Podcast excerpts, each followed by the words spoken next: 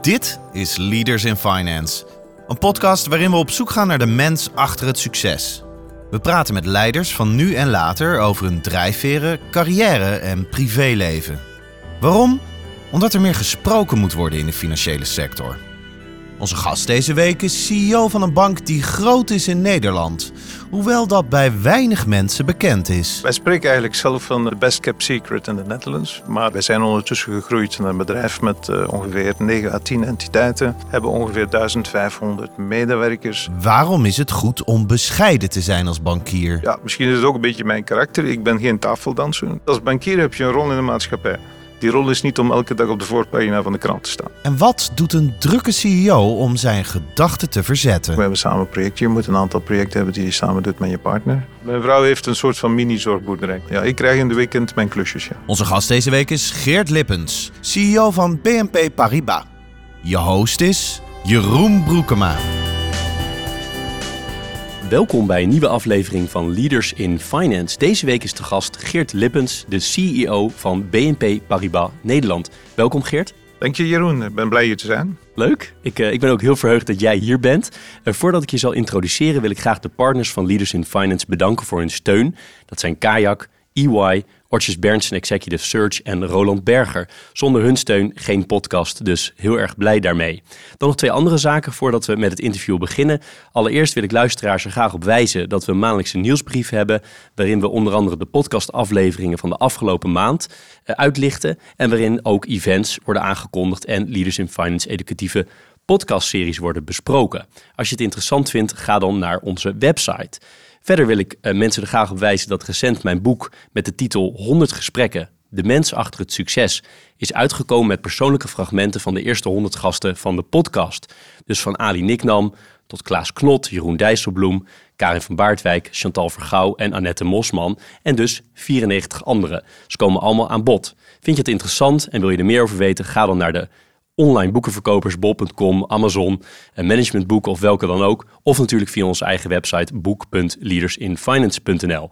Dan terug naar mijn gast en traditiegetrouw eh, begin ik altijd door het spellen van de naam. Dat is Geert, G-E-E-R-T en Lippens, L-I-P-P-E-N-S.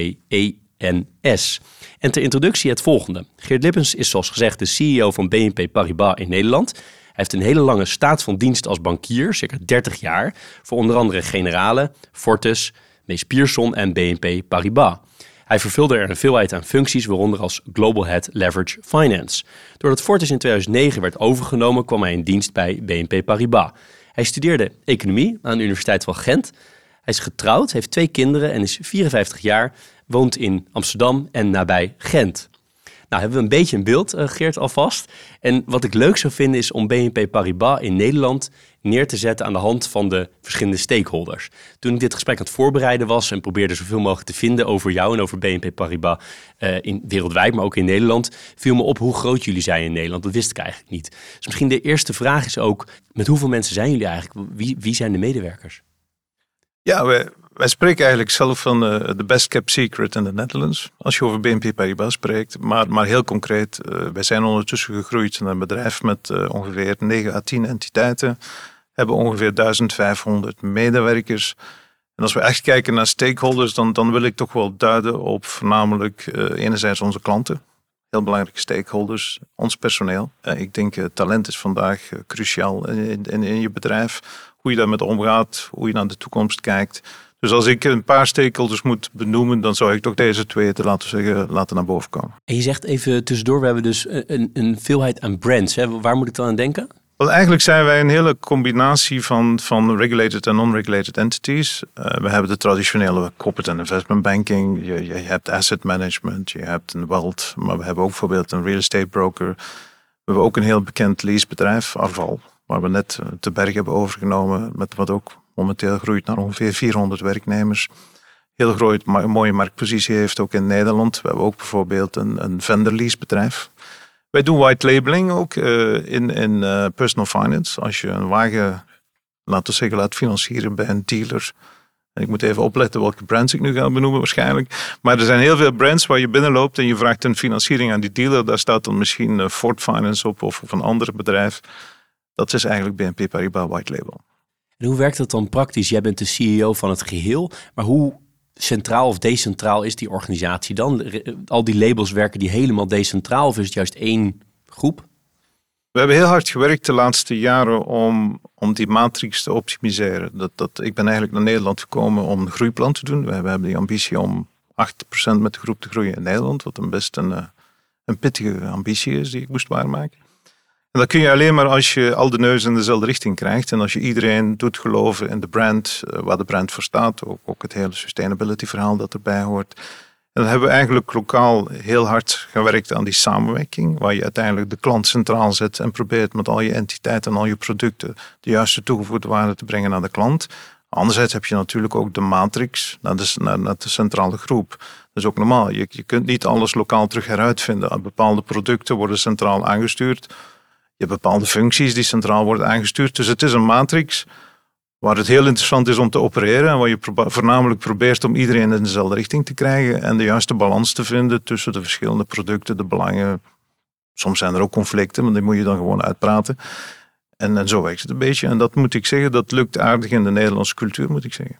Dat is mooi, dat is goed om te horen. En ik kan me voorstellen als je investment banker bent eh, bij jou en je bespreekt een grote lending deal, dat het ook interessant kan zijn om eens even het wagenpark te bespreken. Dat is inderdaad het, het, het wat wij proberen. Hè. Wat, ik zei, we zetten die klant centraal en dan moeten we kijken van wie heeft daar een relatie, waar kunnen we toegevoegde waarde leveren en dan heb je dat fameuze cross-sell verhaal. En als je echt als bankier succesvol wilt zijn, moet je eigenlijk die cross-sell kunnen maximiseren. Je, je, je cost of capital, de uitdagingen die, die er allemaal bij komen, de, de, de, hele kostenplaat, ja, dan moet je uiteindelijk je, je productiviteit proberen te maximiseren met wat je aan je klant kunt bieden. Ja, want dat is de tweede stakeholder. Je hebt hem eigenlijk al hier en daar een beetje besproken. Maar de klanten, kan je het nog een klein beetje typeren wat voor soort klanten jullie hebben hier in Nederland? Wij doen, eh, wij doen eigenlijk voornamelijk zakelijk en, en financiële klanten. Dus, dus de Nederlandse banken zijn ook klant bij ons.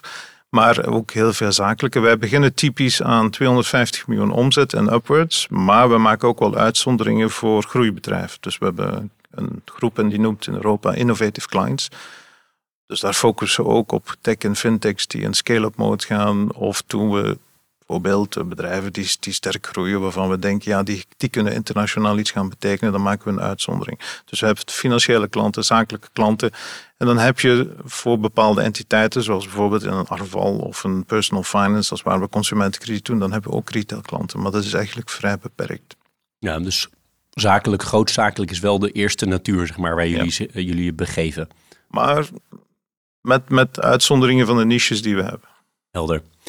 En dan is uh, eh, BNP Paribas natuurlijk een enorm concern wereldwijd. Hoe, uh, hoeveel mensen werken daar? Daar was ik nog even nieuwsgierig naar. En hoe is die relatie met het hoofdkantoor? Um, wij zijn ondertussen met 200.000 uh, mensen. Ik denk dat je me niet moet vragen hoe we dat managen, dat weet ik ook niet. Maar dat is best heel veel. Dat is heel interessant, want dat, dat, dat geeft een hele internationale dynamiek. Hoe werkt het met het hoofdkantoor? ik moet zeggen, BNP Paribas heeft een cultuur van uh, als je lokaal bent, dan moet je ook lokaal de lokale cultuur kunnen uitbouwen. Dat is heel belangrijk. Wij zijn BNP Paribas Nederland. Dat vind ik ook heel belangrijk dat, dat mijn werknemers dat ook uitdragen. We hebben verschillende merken. Arval, eh, PF eh, enzovoort en Cardiff. Maar we zijn allemaal BNP Paribas Nederland. En vanuit het hoofdkantoor krijg je dan ook een heel duidelijk mandaat. Je wordt duidelijk, je bent in charge, je, kunt heel veel dingen doen, wij kunnen heel veel dingen lokaal beslissen. Natuurlijk krijg je een kader, je, je kunt niet zomaar, kan niet, ik ben geen venturebank. Maar je kunt heel veel mooie dingen ontwikkelen en dat vertrouwen die ze jou geven van het hoofdkantoor is wel heel aangenaam. Dan kun je heel mooie dingen op, op de rij zetten. Ze volgen natuurlijk, je moet heel transparant zijn, dat is ook normaal. Maar je wordt, uh, laten we zeggen, ik word hier niet uh, bedonderd vanuit Frankrijk alle dagen met van alles en nog. Want wij kunnen hier rustig, we hebben een plan gemaakt. Als je dat plan goed in elkaar steekt en je krijgt de goedkeuring en je vraagt de middelen in Frankrijk, dan kun je aan de slag. Heel praktisch, zit je vaak in Frankrijk? Um, ik probeer, wel, ik, zit ook, ik heb ook een pan-Europese rol, dus ik zit ook in het uh, exco van de, wij noemen dat de Global Banking eigenlijk, is dat de Corporate Bank voor IMJ. Daar ben ik ook lid van, dus ik ga ongeveer één keer per maand naar Parijs. En dan spreek je Frans? Ja, ik kom aan bon, aan. Ja, want je spreekt beide vloeiend, begreep ik uit de voorbereiding. Ja, maar je moet wel rekening houden. Voor ik naar Nederland ben gekomen, ben ik uh, heb ik eh, vanuit mijn leverage finance rol zat ik acht en negen jaar in Parijs. hè. Als je dan nog niet Frans spreekt, ja, dan wordt het erg. Dat is niet eh, precies. Maar ik kan me voorstellen dat het wel heel belangrijk is dat je beide talen spreekt. Om toch steeds weer de Nederlandse rol te spelen, maar ook, de, ook richting eh, de Franse hoofd, nou, ik zou dat een beetje relativeren. Misschien, ik zou zeggen, 10, 15 jaar geleden bij BNP Paribas was dat inderdaad belangrijk. Ondertussen heb je een nieuwe generatie, heb je een nieuwe visie. Wij zijn uiteindelijk een Europese bank. Wij, wij zijn voornamelijk een Europese bank met wereldwijde presence. Ehm, maar wij zijn geen echte Franse bank meer. Dus uiteindelijk, als je kijkt naar mijn collega in Duitsland, dat is een Duitser. Die, die spreekt geen Frans. Dus, Dus die, het is toch Engels geworden. En zeker in, in de CIB en de corporate investment banking is de voertaal Engels. Dus alles wat ik naar Parijs stuur is in het Engels. Ja. Helpt het mij als ik Frans spreek in Parijs? Ja, dan ga ik niet ontkennen. nee, ik kan me voorstellen. Hoe zit de, de eigendomsstructuur van BNP Paribas in, in elkaar? Dat is eigenlijk gewoon eh, genoteerd op de beurs. Eh dat zijn geen, ehm, laten we zeggen, misschien een klein detail die interessant is en die ons ook wel helpt. Eh, sommige door de overname van Fortis is de Belgische overheid ook nog altijd een aandeelhouder in, in BNP Paribas. Maar voor de rest zijn dat traditionele aandeelhouders, financiële inst- inst- institutionals. En heb je voor Nederland nog een aparte soort van raad van commissarissen of een soort toezichtsorgaan op Nederland? Of is het gewoon een dochterbedrijf in één keer naar Parijs rapporteren? Eh, het is iets complexer dan dat, vrees ik. Maar dat, dat is niet zo erg. Wat wij hebben in Nederland is een, een, een eh, corporate governance, waarbij wij een lokaal eh, executive committee hebben, waar alle CEO's van de individuele bedrijven wekelijks proberen samen te komen. Zo sturen wij Nederland aan en dan heeft ieder ook zijn lijn of zijn raad van commissarissen. Dus, dus ik zit in een hoop eh, supervisory boards, maar we hebben dat allemaal redelijk praktisch aangepakt, zodanig dat die communicatielijnen redelijk vlot lopen. Maar er is geen nood aan een hele complexe additionele structuur in, Nederland. We, hebben dat, we houden dat redelijk simpel. Helder. Nog drie eh, andere stakeholders die ik met je wil langslopen. De eerste, de toezichthouder. Hoe zit dat in elkaar voor jou?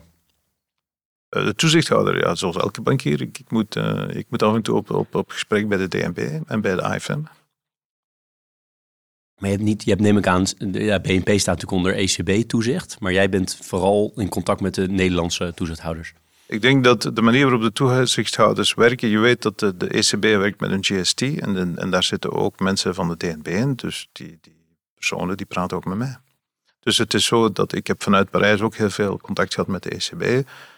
Die, die coördinatie via de, ECB, de DNB, die, die loopt heel open. Ook met het AFM zijn er heel pan-Europese gesprekken, dus dat is vrij ik zou het, transversaal en, en dat loopt redelijk. We hebben daar totaal geen problemen mee, dat loopt heel, heel vlot. Mooi. Twee andere stakeholders, eh, concurrentie en eh, samenleving. Eh, welke zullen we beginnen? Concurrentie. Van wie komt de concurrentie voor jou voor BNP Paribas Nederland? Dat is heel breed. Ik moet zeggen, ik, ik, ik moet zeggen afhankelijk van de bedrijven die we hebben. Hè, als je kijkt naar een Arval, ja, dan weet je ook wie de concurrent is. Die ga ik dus even niet benoemen. Maar, eh, Andere leasebedrijven. andere leasebedrijven. Ehm, dus eh, dat is heel variant. Dus in, in corporate en investment banking eh, zou ik zeggen, zijn dat vooral de Amerikaanse banken. Of ook soms boutiques. Als we kijken naar bepaalde corporate working capital facilities, zijn dat de lokale Nederlandse banken. Maar dat kan ook eh, verzekeraars zijn op bepaalde producten, omdat wij een verzekeraar hebben. Dus ik moet zeggen, dat is heel breed. En dat is eigenlijk ook zeggen wij proberen vooral te focussen om een goed product af te leveren en, en geloven in je eigen sterkte en je eigen kwaliteit. En blijven evolueren is eigenlijk de kernboodschap. Dus, dus dat is ook wat, wat wij zeggen. We zijn een bank a changing world. Wij, wij moeten blijven evolueren en zorgen dat je stakeholders centraal houden. Dat je daar de juiste producten aan met de juiste manier aanbiedt. Dat is eigenlijk de kernboodschap. Daarna moet je natuurlijk competitief zijn. Maar dat krijg je ook voor een stuk als je goed, uh, goed georganiseerd bedrijf bent. En hoe belangrijk is het nou, dat vind ik zelf heel interessant, hoe belangrijk is in die investment banking wereld nou het feit dat je mondiale presence hebt, het feit dat je dat de persoonlijke relatie of puur de tarieven. Als je die drie pakt, er zijn natuurlijk meer dingen, uh, voorwaarden en er allerlei andere dingen bij te halen. Maar als je persoonlijke relatie pakt, mondiale presence en gewoon tarieven, welke van de drie denk jij dat toch nog in deze wereld toch nog het belangrijkste is waarin je opereert? Ik denk dat je daar niet zo zwart-wit kunt op antwoorden. Ik denk waar wij voor staan als BNP Paribas is, wij, kijken naar partnership en lange termijn relatie. Als je kijkt naar partnership en lange termijn relatie, dat wil niet zeggen dat je niet competitief moet zijn. Je pricing moet ook competitief blijven. Je, moet, je zit nu eenmaal in een wereld waar competitiviteit onvermijdelijk is.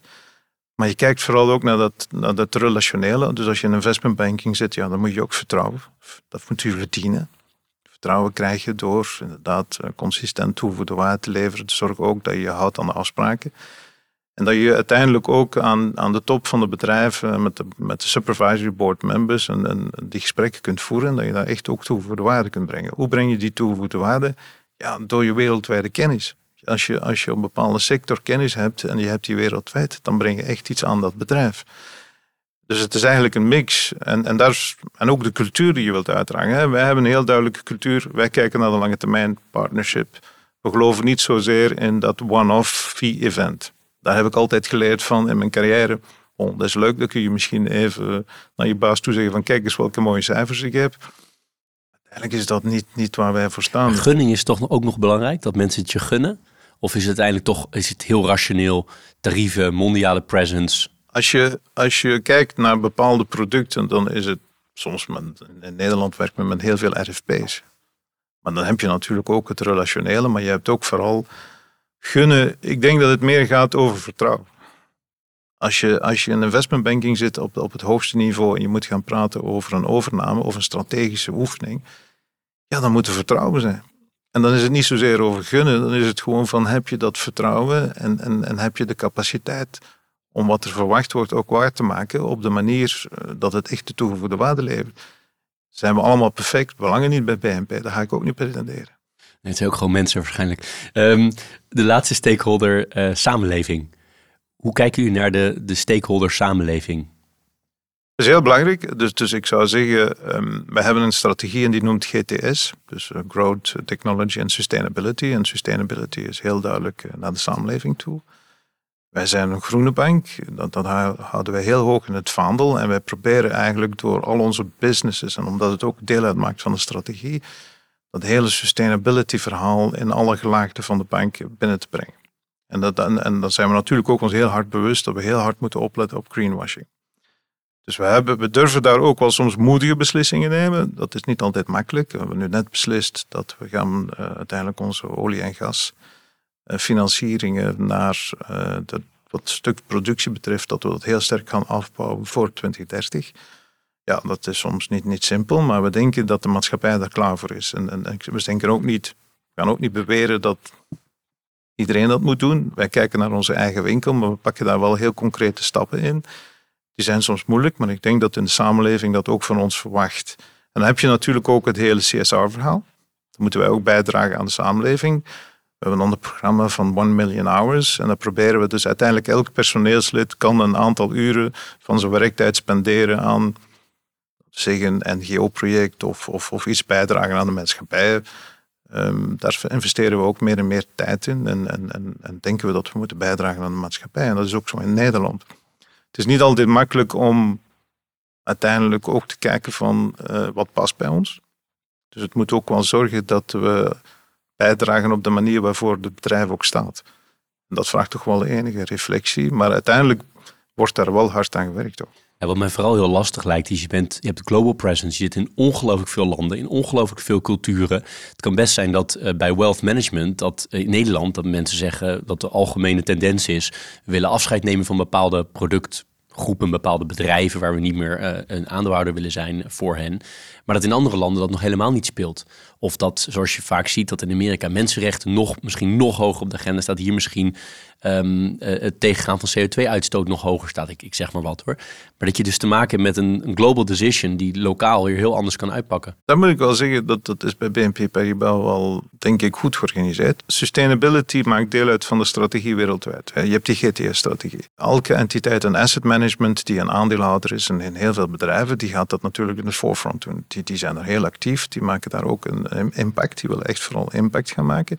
Dat wordt wereldwijd uitgedragen. Kan dat soms in conflict treden met wat wij doen in corporate en investment banking? Ja, dat kan natuurlijk, maar dat is ook, zij zijn onafhankelijk, dus dat, dat hoort erbij. Het is wel zo dat bij BNP Paribas, als wij een filosofie hebben en een strategie, dan hebben we soms ook wel de bereidheid om een beetje contrair te zijn, zoals we dat noemen in, in, op zijn Belgisch. Dus wij kijken naar de lokale culturen, natuurlijk kijken wij naar de lokale culturen, maar als wij zeggen we gaan uit steenkool weg, dan wordt dat wereldwijd gewoon gedaan. Als wij zeggen wij gaan uit die productie van fossil fuels, daar stappen we uit. Dan wordt daar een plan gemaakt. Daar komt wel een stuk overleg, lokaal. En dan kan er misschien wel besproken worden van, we hebben misschien een jaar meer nodig, maar als die beslissing genomen is, dan wordt die ook uitgevoerd. Dus het is niet zo dat wij allemaal gaan zijn van individuele bedrijven in allerlei landen. Nee, er wordt wel een lijn gehouden en dat wordt ook heel veel communicatie over gedaan, trainingen. En dat moet zeggen, dat slaat wel aan. Dit is Leaders in Finance met Jeroen Broekema. Ik las in de voorbereiding ehm, over jou, om iets meer over, richting jou te bewegen. Ehm, heb je ergens gezegd, uh, je moet heel bescheiden blijven als bankier. Kan je dat eens toelichten, wat je daarmee bedoelt? Ja, misschien is het ook een beetje mijn karakter. Ik ben geen tafeldanser, dat heb je waarschijnlijk ook wel gemerkt. Maar uh, nee, ik, ik vind als bankier heb je een rol in de maatschappij. En dat spreek ik even persoonlijk. Die rol is niet om elke dag op de voorpagina van de krant te staan. Dus je hebt eigenlijk een rol in de maatschappij waarbij je de economie faciliteert. Dat is nu niet, wat ik zou zeggen, een uitzonderlijke rol. Dat is een mooi beroep. Daar, daar zie je heel veel varianten. Daar kun je mooie dingen doen, maar hoef je daarvoor de hele tijd publiciteit te maken. Natuurlijk maken wij ook wel wat publiciteit, maar je mag heel bescheiden blijven, want je bent uiteindelijk, je hebt het geluk en het, en het uh, laten zeggen, de kans gekregen om heel interessante dingen te doen, om in een job te werken waar je alle facetten van, van de economie kunt bespelen, waar je ook in contact komt op heel hoog niveau, waar je heel interessante transacties kunt doen. Dan mag je eigenlijk wel blij zijn, dan mag je best bescheiden blijven, vind ik. Als je het niet zou doen, wat gebeurt er dan? Hoe bedoel je? Als je niet bescheiden, als je dus als bankier helemaal niet bescheiden bent, wat is daar het gevaar van? Ja, dat, dat, dat, dat moet iedereen voor zichzelf een beetje uitmaken, denk ik. Ik denk dat ik enkel kan spreken voor de cultuur die wij uitdragen. Wij zijn een cultuur, wij dragen, uitdragen eigenlijk van, wij willen toegevoegde waarde leven aan de maatschappij. Wij hoeven daarom uh, niet zo uitzonderlijk bekeken te worden. Dus dat is wel een goede match dan tussen jou en de organisatie? Uh, ik kan niet zeggen dat ik mij niet zo lang voel bij BNP Paribas. En, en, dat werkt inderdaad wel prima. Wij, wij hebben daar een hele... De cultuur die past inderdaad wel bij mij. Ja. Ja. En kan je, kan je ons eens meenemen, wat zijn uh, cruciale momenten geweest in, jou, uh, in jouw loopbaan? Wat zijn echt van die scharnierpunten geweest in, uh, in jouw carrière? Er zijn best veel scharnierpunten geweest, maar ik denk dat voor mij, ik was niet bestemd om bankier te worden, laten we zeggen. Ik wou eerder, eerder mijn initiële ambitie toen ik studeerde was om ondernemers te worden, maar ik heb de indruk dat jij daar beter geslaagd in bent dan ik. Maar um, uiteindelijk ben ik, wat zijn scharnierpunten geweest? Ik heb, uh, toen ik naar Azië ben gegaan, dat was een scharnierpunt, dat was heel leuk. Hoe oud was je toen of hoe, waar zat je toen in je carrière? Oh, heel jong hoor. Ik, ik ben... Uh, in die tijd kon je nog echt. Ik kon, laten we zeggen, de bankier. Mijn bazen of mijn managers in de tijd waren slim genoeg om mij ondernemer te laten zijn. Dus ik ben op mijn 32e naar Singapore gegaan met een businessplan om voor Mees Pearson Forties een business te gaan opzetten. Die heette toen Energy Export and Project Finance for the Far East. Maar toen kwam, kwam ik daar maar weg. En ik ben inderdaad in Singapore begonnen met een. Ik denk dat ik vier man had, een secretaresse. En dan, het was net achter de Aziatische crisis, dus in 1999. Toen heb ik nog een paar, hadden ze nog een paar workout dossiers mij ook gegeven. Dat was ook wel een leuke ervaring. Dan zijn we gaan bouwen. En dan was mocht je heel ondernemend zijn. En daar hebben, heb ik mijn eerste successen kunnen boeken met heel mooie... Hebben we, hebben toen ook Advisor of the Year gewonnen en zo. En die dingen, als je dat dan wint in Azië, ja, dan ben je weg. Ja, dat is fantastisch. Was het jouw keuze of was het jouw plan dat je graag in het buitenland wilde of kwam het op je pad? Nee, ik wilde naar buitenland. Dus ik was iemand die heel veel zin had om internationaal te werken, ook internationale culturen. En de generale bank waar ik begonnen was, heb, je weet je, toen had je, je hebt ook bij ABN AMRO gezeten, dan kreeg je die traineeships. Ben ik ook zo begonnen, dan had je 18 maanden en na zes maanden kwamen ze mij zeggen, ja, we denken dat dat bij jou niet veel uh, gaat toebrengen. Jij mag direct naar het internationaal departement en dan gaan we aan de slag. En toen hebben ze mij op Azië gezet en dat was voor mij een dan hebben ze een fantastische keuze gemaakt, want ik, ik, ik ben daar helemaal verliefd op geworden. Dus ik, heb daar, uh, ik mocht dan uh, exportkredieten gaan doen. Dat was in 93 in Vietnam. Dus als je toen in Vietnam aankwam, hadden ze één floating hotel daar in Ho Chi Minh City. Dat was echt, uh, ja, dat waren, als je dan, wat was ik toen, 25 of zo, 24. Dat zijn fantastische ervaringen. Maar toen had je hoeveel werkervaring had je toen, een jaar of zo? Oh, ik heb twee jaar consultant gespeeld in, in Zwitserland daarvoor. Ah, dus toen was je ook al in het buitenland? Ja. Waar komt die drive vandaan om graag in het buitenland te willen zitten? Wel, ik was heel geïntrigeerd tijdens mijn studie over verschillende culturen. Ehm, ja, dat, dat, dat, was gewoon een passie en, en ik wilde de wereld zien. En, en uh, ja, je had ook kunnen zeggen, je pakt je rugzak en je gaat een jaartje met je rugzak. Maar ik, ik had zoiets van, nee, ik moet misschien ook wel geld verdienen en, en voor mezelf kunnen zorgen. En in die tijd was het ook... Uh, ik kwam uit de crisis van de jaren 91, de golfoorlog. Dus het was wel even, even wat spannender op de, op de werkgeversmarkt. Werknemersmarkt ook. Er was veel meer eh, werkloosheid. Maar dat was eigenlijk een beetje de passie en, en dat is erin blijven zitten. En ik had ook altijd aan mijn baas gezegd van ja, ik wil best wel een métier leren of, of, of de techniciteit leren op hoofdkantoor, maar stuur me dan allemaal naar buitenland. Zo nog even hebben over Azië. Eerst nog even over die, uh, want dat heb ik nergens gelezen, dat je begonnen bent in Zwitserland. Vind ik heel interessant. Hoe kwam je bij die, dat was je eerste baan, hè, die consultantsrol. Hoe kwam je daar bij terecht? Dat was heel toevallig. Ik, um, ik was heel actief tijdens mijn studietijd met uh, ISEC. Ik weet niet of je dat mm ooit gekend hebt. Mhm. Ik zat er in het bestuur en, en ik heb toen nog in Oost-Europa gezeten, in 1989, toen in Tsjechië de, de, de, muren eigenlijk viel enzovoort. Met studenten en dat was fantastisch. En toen uh, meneer Havel daar ook uh, op de bühne stond, daar heb ik ook nog gestaan. Wij waren altijd wel even, dat was heel leuk. Um, en met ISEC had ik een stage gekregen in Lausanne. En na zes maanden hebben die mijn contract aangeboden. En dan ben ik daar blijven plakken. Was totaal niet het plan. Nee. dat is toch geweldig. Heb je daarover getwijfeld? Was het gewoon van, krijg het aangeboden, ik doe het. Heb je nog een belletje naar huis gedaan? Of hoe ging dat? Nee, mijn moeder had het al opgegeven. Die had het door. Um, maar ik heb daar mijn vrouw ook tegengekomen. Ja, dan is het makkelijk. Oh, kijk, dat helpt wel. Ja. Ja, ja. En um, toen begon je aan die baan. Kan je nog herinneren hoe jouw eerste maanden waren als, als uh, nou ja, in het echte werkende leven? Uh, dat, was, eh, dat viel eigenlijk wel goed mee. Ik werd, uh, die Zwitsers, dat moet niet, ik moet nu niet zeggen dat die mij heel hard lieten werken. Dat was eigenlijk best aardig. Ik moest een, ik moest een studie doen, een marktstudie over een uitbreiding van een, een gasnetwerk en of de klanten die, waar ze dat netwerk gingen, laten we zeggen, de, straat openbreken, of die snel gingen aansluiten op het, op het aardgasnetwerk. En ze dachten dat ik daar, uh, hoe lang zou nodig gehad hebben? Ik denk zes maanden of, of acht maanden, ik weet het niet meer. En op drie maanden had ik, had ik die klus geklaard. Dat was eigenlijk niet zo moeilijk hoor. Die Zwitsers zijn heel gedisciplineerd. Dus die geven snel antwoord. En om eerlijk te zeggen, na drie maanden wisten ze niet goed om me aanvangen. Mocht ik gaan skiën, dat was ook wel heel leuk. En toen uiteindelijk hebben ze dan toch maar een nieuwe job uitgevonden. En heb ik meer mogen doen. En uiteindelijk waren ze toch onder de indruk dat ze mij een contract gaven. Want het was toen zo van die internships. En blijkbaar op een of andere manier vonden ze wel dat ik er eh, interessante dingen deed. En hoe heb je dan de overstap gemaakt naar het vervolg? Uh, de Belgische militaire dienst heeft mij opgeroepen moest ik plots mijn legerdienst toch gaan doen. Dat wist je, dat dat ging gebeuren? Was het een verrassing? Dat wist ik, maar ik wist ook dat ze hem normaal gingen afschaffen. Dus ik was nog een beetje aan, aan het kijken van. En ik dacht van ja, en op een bepaald moment, ja, vinden ze jou wel. Hè. En baalde je daarvan of had je daar echt wel zin in? Nee. Change? Je baalde ervan? ik baalde ervan, ja. Maar bon, ik heb het gedaan. Dat was een interessante levenservaring. Ik heb, dat, uh, ik heb acht maanden ik heb, uh, in Duitsland gezeten ook. Toen ben, je, toen ben je ook weer internationaal gegaan natuurlijk. Dat is een beetje de rode nee, draad. dat was om heel eerlijk te zijn, dat was omdat het dan korter was. Als je in België bleef, dan moest je nog een paar extra maanden doen. En als je naar Duitsland gaat, dan kreeg je korting. Ah, en jouw vrouw nu, maar toen vriendin waarschijnlijk, die is Zwitsers? Nee, dit is uh, Zuid-Afrikaans. Zuid-Afrikaans heb je in, in Zwitserland ontmoet en die, ging dan, die kon niet mee dan waarschijnlijk naar Duitsland? Uh, nee, nee, dan hebben we een beetje pendel gedaan. Hè. Ah, ja. En toen vanuit Duitsland, uh, nee, laat ik eerst één ding vragen. Wat is nou het belangrijkste wat je daar geleerd hebt in die diensttijd? Wat ik daar vooral geleerd heb, is, is dat je, je, je, wordt daar, je maakt daar kennis met de verschillende sociale gelaagden van de maatschappij. Maar je uiteindelijk, als je studeert aan de universiteit en de opvoeding die je krijgt, dan, dan zit je in een bepaald milieu. Dan ben je vrij afgeschermd.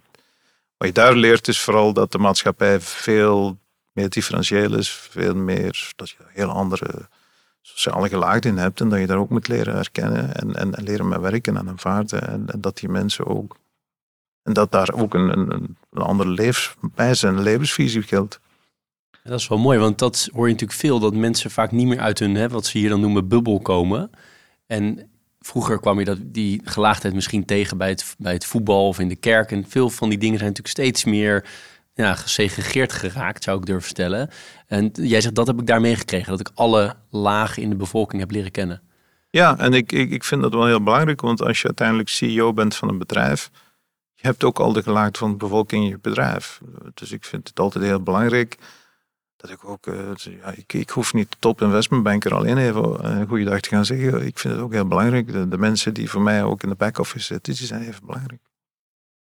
Dus achteraf uh, geen, geen slecht gevoel overgehouden aan de diensttijd? Nee, nee, in diensttijd maak ik ook veel plezier. Hè? Dat is duidelijk. Dat, dat, dat ga ik absoluut niet ontkennen. Maar of ik daar nu de meest productieve tijd van mijn leven heb gekend, dat ga ik, dat ga ik nu wel niet bevestigen. Nee, helder. En hoe kwam je toen uh, bij je, bij je nou, eerste baan na diensttijd?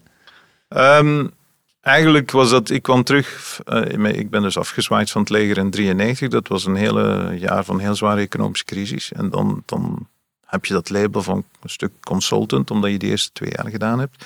Maar ik had één backup. Ik had bij de Generale Bank toen aan de universiteit dat, uh, die sollicitatieprocedure doorlopen gewoon vanuit mijn ISEC-achtergrond. En, en ook omdat we de quota moesten vullen. En dat was een interessante oefening geweest. Ik was daar heel relaxed ingegaan en die hadden mij een contract aangeboden. Ik had dat gewoon geweigerd, omdat ik eigenlijk gesolliciteerd had zonder de bedoeling om te gaan werken bij de bank. En uiteindelijk hadden ze mij altijd een, een, uh, de boodschap gegeven: als je zin hebt om toch te komen, bel ons. En toen zat ik een beetje vast in 93 en dan heb ik gezegd van ja, ik zal ze misschien toch maar bellen. Ben ik heel eerlijk in.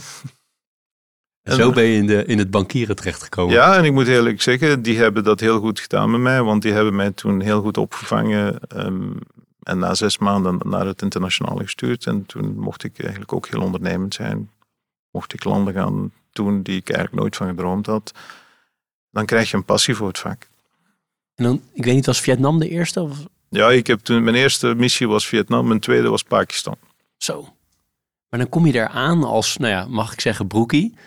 En was jij heel zelfverzekerd van, oh, je kan dit allemaal wel? Of dacht je van, oh, wat, wat ga ik hier eigenlijk precies doen? Ja, je bereidt dat goed voor. En toen waren ook nog geen e-mails, hè. dan moest je op een fax. Dus, dus je bereidt je goed voor. Um, en dan ga je daar onderhandelen. En ik moet zeggen, ja, ik had misschien wel een zekere zelfzekerheid, maar ik was ook wel slim genoeg om af en toe te weten te zeggen, als ik het niet wist, van sorry jongens, ik kom morgen terug. Um, ja, dat was gewoon, ja, je, moest altijd, je moet altijd een beetje lef hebben. Hè? Ja, nee, ik kan me voorstellen. Ik denk als je jong bent dat je dat misschien nog wel makkelijker hebt. Omdat je denkt een beetje meer bravoer hebt van ik ga het maken.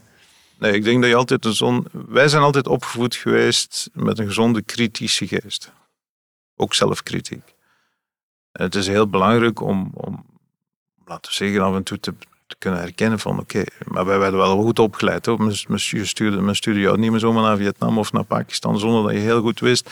En je wist ook, en je had die hulplijnen, je kon wel bellen. Dus niet, niet zo, maar het was wel een, een avontuur, absoluut, ja. Ja, want totaal andere tijd natuurlijk. Wat je zelf zegt, nog geen e-mail. Dus je zat er echt toch wel redelijk on your own. Ik bedoel, je had wel collega's, maar niet zo dat je even... Nee, maar we hadden ook wel lokale kantoren, die hielpen ook. Dus die, want er moest vertaald worden ook. In Vietnam eh, had je altijd een vertaler. Dus dat gaf ook altijd de mogelijkheid om een onderhandeling. had je een, een makkelijk excuus om, er even, om even time-out te doen. Eh, je leert, je leert in Azië wel wat onderhandelen is. Heel snel. Meer dan hier? Ja. Waarom is dat zo? Omdat je geen emoties krijgt. Je, krijgt niet, je kunt niet van de tegenpartij zien welke emoties hij heeft. Ze zijn heel statig. Je hebt de vertaling, je hebt de taalissue. En, je, en het is heel moeilijk te lezen. Als je in Europa zit, dan kun je heel snel op de reactie van de gezichten van de mensen lezen. Waar, hoe ze, meestal weet je wel, ook in het taalgebruik, om de toon enzovoort, voel je heel snel hoe die onderhandelingen gaan. Bij een Aziatische is dat het, in Azië is dat verschrikkelijk moeilijk. Ik weet niet of ik met jou zou willen onderhandelen na dit, uh, na dit gehoord hebben. maar waarschijnlijk heb je het ook wel een beetje overgenomen dat je een blik kan hebben waarbij mensen niet weten wat je nou precies uh, van wil. Ja, ik denk dat het ook al heel lang geleden is. Dus je, je, ik denk toen ik terugkwam met Azië kon ik dat inderdaad waarschijnlijk heel goed. Um, dat is ook, je past je aan aan de cultuur waar je zit. Ik heb altijd geleerd, uh, je moet je aanpassen. Had je in je achterhoofd uh, altijd van ik ga een keer terug naar in ieder geval Europa? Of had je ook, uh, ook wel eens het idee ik blijf hier in Azië? Um, ik moet eerlijk zeggen, ik ben nooit vertrokken met de visie van hoe lang, wanneer, wat. Ik ben altijd vertrokken met de visie van zolang ik een interessante job heb, ik, uh, mijn vrouw happy is, en dat is ook heel belangrijk. En dat je je ding kunt doen en je blijft ontwikkelen, je blijft groeien, dat is eigenlijk het belangrijkste. En, en uiteindelijk kun je in een carrière gaan kijken van tien jaar ver. Nee, je kunt eigenlijk gaan kijken van drie, vier, vijf jaar kun je proberen plannen. Moet je goed doen. Moet je ook, ook kijken, zit je in een goede organisatie? Word je gesteund? Uh, en dan komt het wel. Was je ambitieus? Uh, je moet altijd ambitieus zijn. Nee, maar had je, had je ook echt zoiets van: ik, ik wil echt stappen maken uh, in de hiërarchie naar boven? Um, ik was vooral eerst en vooral, ik, ik, ik werk meer met um, doelstellingen. Dus ik, ik zeg van, toen ik naar Vietnam was, was bijvoorbeeld, kan ik dit exportkrediet voor elkaar krijgen? Kan ik dit waarmaken? En zo werk ik meer. Ik, ik, kijk altijd naar de volgende uitdaging van, kan ik dit waarmaken? En dan zeg ik voor mezelf, bon, geloof ik erin? Ja. Denk ik dat ik kan? Waar zitten de risico's? En als ik daar min of meer een lijn in heb, ja, dan gaan we gewoon. En dan is ik nu linksom of rechtsom, dan ga ik daar gewoon voor. Af en toe ga je ook eens in de muur, hè? dat moet je ook herkennen. Ja, dat hoort er ook bij waarschijnlijk, om veel te leren. En dat is goed en dat is gezond, want dat houdt je ook met je voeten op de grond. Je gaf al een heel klein doorkijkje naar je, hoe je bent opgegroeid. Je zei we zijn altijd zelfkritisch, uh, dat we zelfkritisch zijn. Kan je verder nog iets, uh, wil je nog iets delen over hoe je bent opgegroeid? Wij, wij zijn eigenlijk opgegroeid in een heel normale omgeving. Uh, maar we hebben altijd geleerd dat je hard moet werken voor iets te bereiken. En, en, en die zelfkritische geest, die, die hoorde erbij. En die heeft me altijd in mijn bankaire carrière, ook bij BNP, altijd goed bediend. Want, want als je voor problemen komt of als je nieuwe business moet ontwikkelen, dan is het altijd goed om, om, om die waarde te hebben. En waar ben je opgegroeid? In Gent. Gent, in de stad? Ja, uh, in de stad als student. En uh, wij woonden net buiten de stad. Wat, wat voor soort werk deden je ouders? Mijn vader werkte bij de, bij de post. Bij de post. En broers, zussen? Ja, ik heb uh, één broer en een zus. Ja. En niemand in de financiële wereld? Ik was de eerste. Um, mijn broer die, die, die is ook CFO van een bedrijf. Nou ja, toch zit wel iets in die, uh, in die genen. En uh, waarom economie? Toen was het een heel breed palet die me aansprak. Ik heb getwijfeld tussen rechten en, en economie. En ik vond rechten te saai, dus ben ik maar economie gaan doen. En je studententijd, was dat, uh, hoe typeer je die? Dat was heel leuk. Ik bedoel, dat was, uh, Gent is een leuke stad. Ik bedoel, de, normale studententijd. Maar geen excessen ook. Maar uh, ik was niet, opnieuw zoals ik zeg, ik was geen tafeldanser, maar ik kon me wel amuseren. Voor de rest, ISIC was, was wel leuk. En, maar was ik nu de hele vlijterstudent, um, dat wil ik wel toegeven, ook niet helemaal. Nee, wat, wat mij wel opvalt is, daarna vloog je volledig uit. In allerlei landen zat je en overal ging je naartoe. Maar toen koos je ervoor om gewoon in de stad die je al kende te gaan studeren.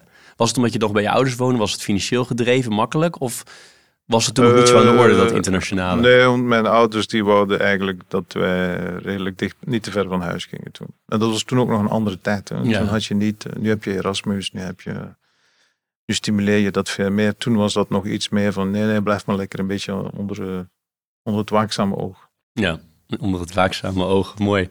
Ja. En uiteindelijk, uh, uh, hoe, hoeveel tijd ben je nou nog in België geweest? Dat weet ik niet meer. Ik moet eerlijk zeggen, het begin van mijn carrière zat ik in België dan. Bij de Generale Bank heb ik een jaar of vier, vijf in België gezeten. En daarna heb ik ook heel veel gewerkt. Uh, toen ik bij Meespiersen zat in Rotterdam, um, hebben we op een bepaald moment moeten beslissen om de familie naar België te maken. Toen, toen werkte ik ook twee dagen in België, drie dagen in Rotterdam, toen ik in Parijs zat, had ik ook een kantoor in Brussel. Mocht ik ook af en toe in Brussel werken. Dus ik ben altijd een beetje flexibel geweest. Ja.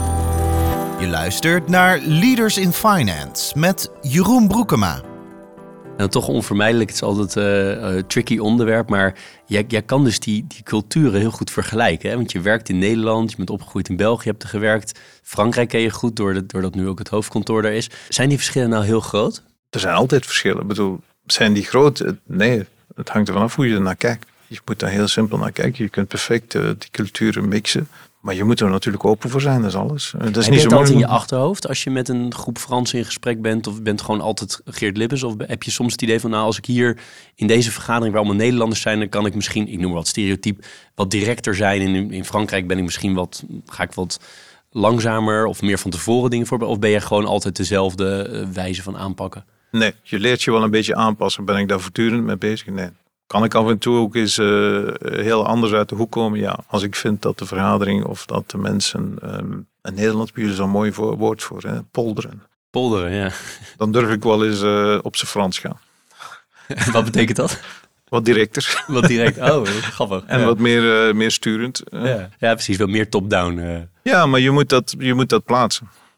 Ja. Als, je dat, als je dat op een juiste manier neerzet, maakt dat eigenlijk niet zoveel verschil. Ja, ik kan me voorstellen dat het wel ook heel nuttig kan zijn om die verschillende culturen te zien, om een breder beeld te krijgen van hoe mensen opereren. Maar ik kan me voorstellen in de investment banking wereld misschien het toch wel redelijk dezelfde cultuur is. De cultuur is meer homogeen, maar er blijven, er blijven verschillen. Hè. Maar wij zitten niet enkel in investment banking. Hè. Dus ik moet ook in prijs door de bocht met retailbanken, met uh, en met uh, Cardiff. Dat een heel andere cultuur. Hè. Nee, dat snap ik. We hebben bij Leaders in Finance ook altijd een pleaser en een teaser. De pleaser gaat altijd over of je een bepaald boek hebt wat je, nou, wat je mooi vindt. En aan de teasende kant schrijven we altijd een stelling op om aan jou voor te leggen. We hebben het volgende opgeschreven. Als de kapitaalunie in Europa nog verder gevorderd is, uh, of geweest zou zijn, zou ik beter moeten zeggen, dan had BNP Paribas al lang een partij als ABN AMRO overgenomen. Ben je het daarmee eens? Nee. Verklaar u nader. um, ik denk eerst en vooral moet je de realiteit bekijken. Er is geen bankenunie. Uh, dus ik denk dat het momenteel de discussie zich ook niet stelt.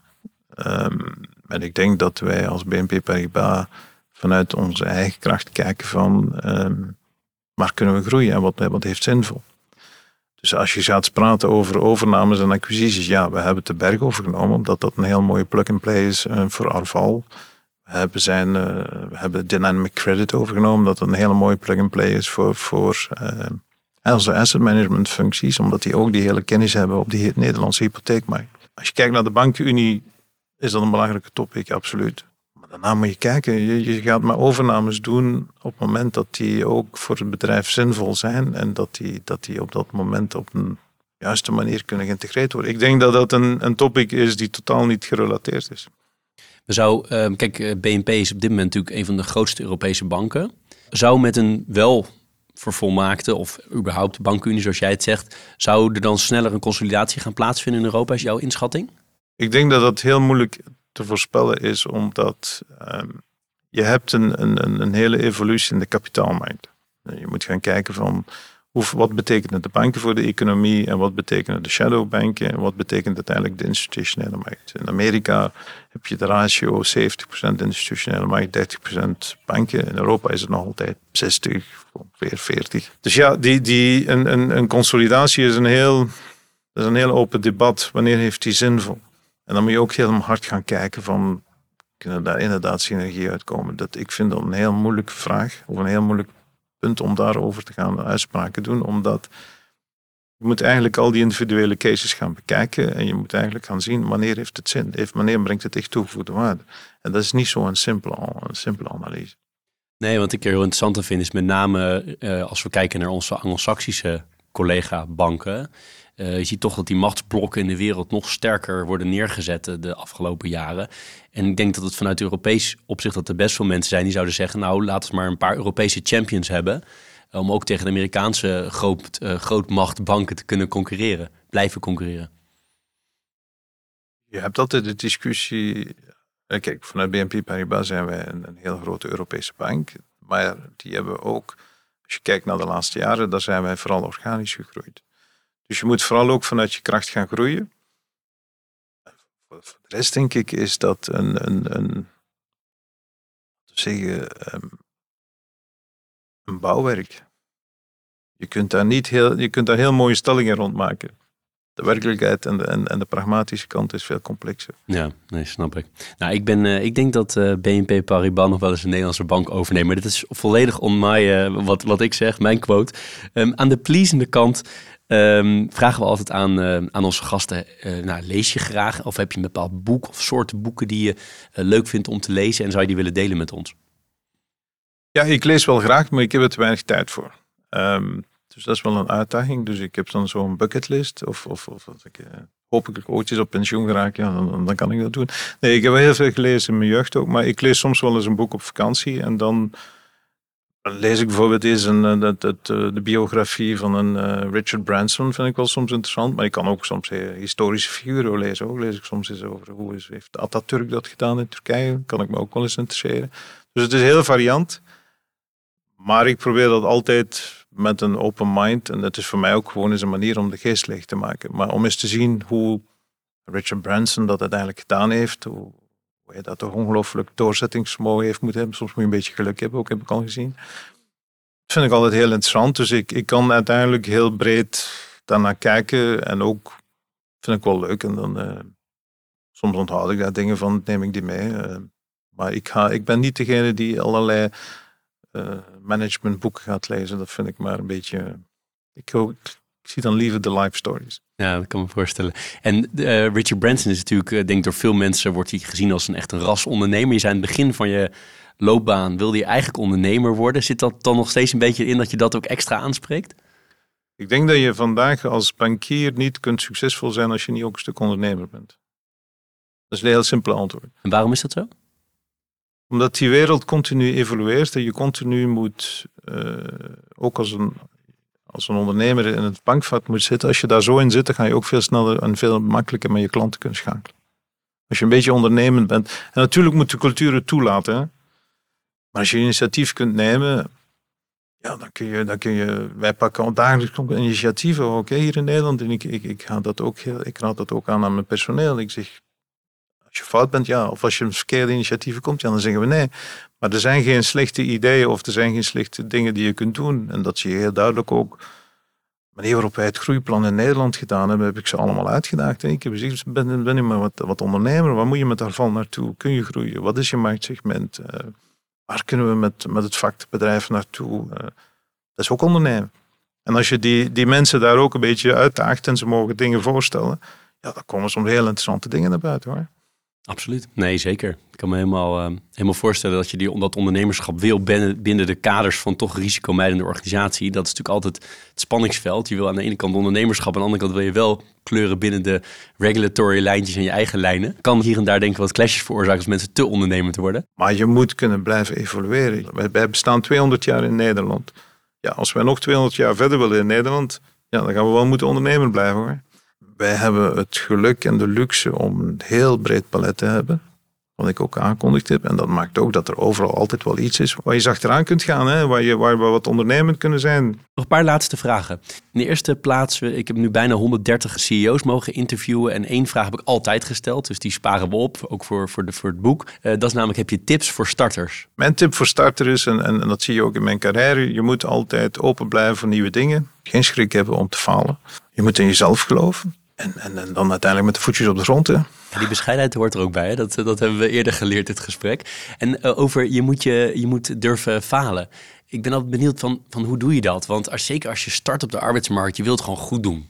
Ik denk dat 99,9% van de mensen wil gewoon goed doen.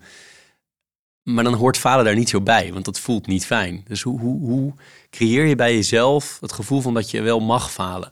Nou, nu ben je wel heel psychologisch aan het worden, vind ik. Maar uh, die, ik zou zeggen, hoe creëer je dat? Je moet ook altijd een zelfvertrouwen hebben. Als je geen zelfvertrouwen hebt, dan ga je niet slagen. Dus de zelfvertrouwen ook in het feit dat je mag falen. Dus, en falen is ook heel relatief. Als je in het begin begint en je, en je doet een eerste job en die ligt je echt niet. Sorry, maar dat is niet echt falen. Dat is gewoon een levenservaring waar je van zegt van, bon, ik heb misschien niet de juiste keuze gemaakt. Dat is, dat is totaal geen probleem ik zou zeggen, iedereen heeft het recht om, om, om eens hier en daar te zeggen van dit ligt me niet, dan moet ik even iets anders gaan doen. Dat heb je als je studeert ook. Soms begin je een studierichting en dan kom je na een jaar tot de conclusie, oh my god, dit is super saai. Ja, dan zeg je van, uh, die discussies heb ik met mijn kinderen ook. Ik vind, het is ook belangrijk van, wat krijg je mee van je ouders? Wat krijg je mee van je omgeving? Hoe begeleid je werkgever je dat? Dat is de hele omkadering die je moet geven. Maar hoe leer je dat? Ja, ik zou zeggen, iedereen weet dat hij af en toe, en ik denk, zoals als je op school zit, dan maak je wel dingen mee. En dan moet je ook terug uh, recht krabbelen. Ja, dat, dat, dat hoort gewoon bij het leven. En, en als je daar redelijk, eh, laten we zeggen, goed in je vel kunt zitten en, en je kent je sterktes en je zwaktes, dat is ook wel belangrijk. Dan is dat normaliter iets waar je wel normaliter terug recht krijgt. En als je een beetje hulp hebt van, van je vrienden of je vriendin of je ouders, die dat wat kunnen plaatsen, dan lukt dat wel. Ja, en ik kan me voorstellen dat die, je noemde hem al even, maar dat die werkgever, jouw baas, bij jouw eerste baan cruciaal daarin is. Want als jij keihard wordt afgestraft voor kleine foutjes, ja, dan word je natuurlijk ook bang om volgende keer weer iets fout te doen. Dus kan me voorstellen dat je die ruimte wel moet bieden als werkgever. Ja, maar ik denk dat dat ook de enige manier is waarop je vandaag als werkgever kunt succesvol zijn in de huidige markt. Je moet employee engagement tonen, je moet je jongeren kansen geven, je moet je jongeren ook duidelijk maken waar je voor staat. Wat zijn de waarden? Wat, wat, is, wat is de vergroening waar je voor staat? Als je met de huidige generatie dit niet doet, die zijn ook zoveel eisen, moet ik zeggen. Ja, dan, dan, dan, dan kom je ook als werkgever tekort. Dus ik denk dat het ook heel, heel super interessant is. Als je met die jongeren kunt werken, we hebben de Next PMP gecreëerd hier in Nederland ook. Dan probeer ik ze ook te stimuleren om, om allerlei initiatieven te nemen. Willen wij ze ook vragen van, wat denk je van dit CSA-project? Proberen we die voor te leggen? Of kun je bijvoorbeeld deze een, een top 50 van de bank animeren. Ja, dan, ik gooi ze graag ook eens een beetje, om het zo te zeggen, niet helemaal voor de leeuwen, maar dan, dan kaderen we dat wel heel goed. Maar dan zien we ook van, probeer maar eens. En zelfs binnen de job die ze doen, vind ik ook dat ze af en toe eens iets mogen proberen. En, en lukt het niet, ja, dan zeggen we gewoon van ja, wat heb je er nu uit geleerd? Dan is dat de winst. De, andere, de twee, twee andere laatste vragen. Uh, werk- en privébalans. Jij zat uh, all over the world. Uh, nou, een bepaald moment kregen jullie kinderen. En ook nu, hoe, hoe balanceer je tussen heel hard werken, want dat heb je zeker weten, doe je dat en heb je dat gedaan, dat kan niet anders in deze rollen, met toch tijd voor privé? Uh, dus het is een permanente oefening en dan moet je ook heel goede afspraken hebben met je partner. Um, dus ik, ik zou zeggen, hoe doe je dat? nou, hoe, heb jij, hoe heb jij het gedaan? Ik heb, heel goed, ik heb een vrouw die me heel hard steunt. en ik heb, laten we zeggen, de manier gevonden of de balans gevonden. Ik probeer in het weekend toch zo heel weinig mogelijk te werken. Dus het weekend is voor mij private time zoveel mogelijk. Tenzij er een urgentie is ofzovoort. Ik heb ook, uh, mijn vrouw, we, hebben een kleine boerderij, dus wij zitten daar uh, in het weekend samen bezig. We hebben samen een projectje. Je moet een aantal projecten hebben die je samen doet met je partner. En daarnaast, ja, moet je daar elkaar in vinden. Je moet daar een goede afspraak in kunnen maken wel interessant. Ik wil een laatste vraag stellen, maar toch nog even hierop door. Want hebben jullie ook beesten dan? Ja. Je echt, u runt een eigen hobbyboerderij, moet ik het, is dat het woord? Nee, mijn vrouw werkt met uh, mensen die wat mentaal uh, gehandicapt zijn. Dus die komen een paar dagen per week. En dan hebben wij, hoeveel hebben we nu? Drie ezels, wat schapen, honden. Dus in Nederland, ik weet niet of je dat in België ook zo noemt, maar een zorgboerderij, is dat het term? Dus, uh, mijn vrouw heeft een soort van mini-zorgboerderij, klopt ja. Oh, wauw. En jij vindt het ook leuk om met op de boerderij te helpen, met, even als ontspanning? Mijn grootouders waren boer, dus ik ben opgegroeid op een boerderij. Dus ik ken het wel. Ja, ik krijg in de weekend mijn klusjes, ja. Ah, je krijgt je klusjes. oh, mooi. Nou, ik kan wel voorstellen als je de, de stal aan het schoonscheppen bent, dat dat wel even je mind helemaal leeg maakt van alle drukte van de week. Absoluut. Uh, ja, ik heb nog een beetje bos ook, maar ik heb mijn bos aan en toe eens wat hout gaan kappen. Dus nee, dat, dat, je, moet, je kunt dit niet volhouden als je geen uitlaatklep hebt. Dus dat is jouw uitlaatklep? Ja. Leuk. Laatste vraag. Toekomst op de lange termijn voor jezelf? Zijn er nog dingen die je, uiteraard, uh, CEO's zeggen natuurlijk altijd, ik ga de komende tijd heel hard verder met wat ik doe. Maar als we even iets verder kijken, is er nog iets wat jij graag zou willen, uh, willen doen qua, um, qua in je loopbaan? Iets wat je altijd in je achterhoofd hebt van als ik die kans nog een keer krijg, dan pak ik die. Nou, ik, ik, ik kijk vooral van uitdaging naar uitdaging. Ik zeg, zolang ik een uitdaging heb, en hoe die op mijn pad komen, dat zien we wel. Ehm, soms moet je die uitdagingen zelf creëren. Ik werk meer van uitdaging tot uitdaging. Dus, dus Nederland was een uitdaging. En dan zie ik wel wat de volgende is die op mijn pad komt. Ik denk dat je dat niet, dat je jezelf alleen maar in een heel moeilijke psychologische mindset zit. Of een hele stressvisie zit. Dan ik wil dit nog doen of ik wil dat doen. Ik denk met, met de jaren leer je dat ook allemaal redelijk uh, rustig relativeren. Moet je ambitieus blijven in je leven, altijd. Dat ga ik zeker niet ontkennen. Dat er een lijkt je bijvoorbeeld leuk om een keer commissaris te zijn bij een bedrijf? Ah, ik, ben al, uh, ik ben al commissaris bij al mijn dochterbedrijven. Ja, dus ik kan, me. Ik, ik, kan me daar al goed in amuseren. Is dat, is dat een interessante functie? Absoluut. Dat ga ik niet ontkennen. Maar momenteel kan ik dat ook niet doen, want ik, ik ben CEO van een bank. Dus je kunt niet die twee combineren. Dan moet je dan weer realistisch zijn. Maar ik kijk gewoon naar de volgende uitdaging. Die komt wel op mijn pad. En als ik daar denk dat ik me kan uitleven en dat ik daar uiteindelijk ook toegevoegde waarde kan brengen in die omgeving, dat ik daar mooie dingen kan doen, dat is voor mij het belangrijkste. En dan in het weekend zal ik mijn stalwagen uitkuisen. Mooi. Prachtig, eh, prachtig einde. Geert, heel erg uh, bedankt. En uh, behalve als jij zegt, nou, ik heb nog iets, Jeroen, dat had ik echt graag willen zeggen, dan is dit misschien een goed moment daarvoor. Nou, ik denk dat, we, dat je wel al heel veel vragen gesteld hebt. Dus ik denk dat we het allemaal goed gecoverd hebben, denk je. Mooi. Dankjewel. Ik wil je heel hartelijk bedanken voor het feit dat ik al die vragen mocht stellen. En dat jij bereid bent geweest om overal heel mooie antwoorden op te formuleren. Uh, waarvoor heel veel dank. Ik wijs er nu naar. Ik heb zo meteen uh, een cadeautje voor je om je te bedanken voor al die tijd die je erin gestoken hebt. Ik vond het ontzettend leuk. Ik, ben, uh, ik heb het voorrecht dat ik luisteraar nummer 1 en naast me nog iemand anders nummer 2 ben. Maar ik vond het ontzettend leuk, dus veel dank. Nee, jij bedankt. Ik vond het ook een heel aangenaam gesprek. Ik begrijp nu waarom je zo succesvol bent. Dit was Leaders in Finance. We hopen dat je deze aflevering met veel plezier hebt beluisterd. We stellen je feedback erg op prijs. Wat houdt je bezig en over wie wil je meer horen? Laat het weten in een Apple of Google review. Dat kan ook via de sociale mediakanalen of direct via een e-mail. We kunnen het enorm waarderen als je dat doet. Tot slot danken we onze partners voor hun steun. Dat zijn Kayak, EY, Otjes Berndsen Executive Search en Roland Berger. Bedankt voor het luisteren.